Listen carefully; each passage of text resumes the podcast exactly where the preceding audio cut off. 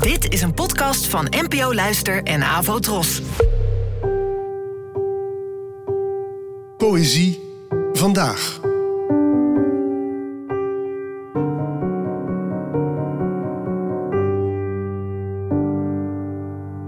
Hallo, dankjewel dat je luistert.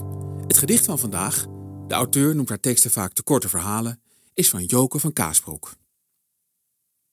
In de rayon soepen en sauzen leg ik mezelf te vondeling. Een volwassen foetus op een koude betonvloer. De man die mankt, het hinkelende kind, de hoogbejaarde dame met haar slepende tred, het meisje wier hakken verklikken dat ze nooit hakken draagt.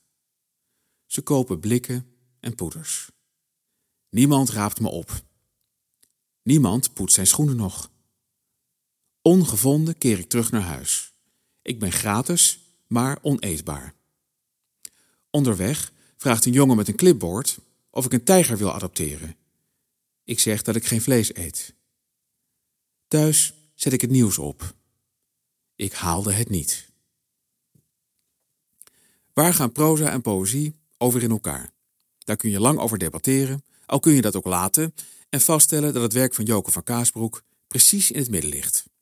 Het oogt en leest als lopend proza, maar het werkt bijna altijd als poëzie, omdat er net als in goede gedichten staat wat er niet staat. Het lyrisch ik en haar stukjes doet een beetje denken aan de hoofdrol in de Netflix-serie Russian Doll. Tegendraads, eigenzinnig, zelfdestructief, bijtend grappig, melancholiek, intelligent, enigszins aan de zelfkant en op een bepaalde manier aantrekkelijk, maar wel van veilige afstand.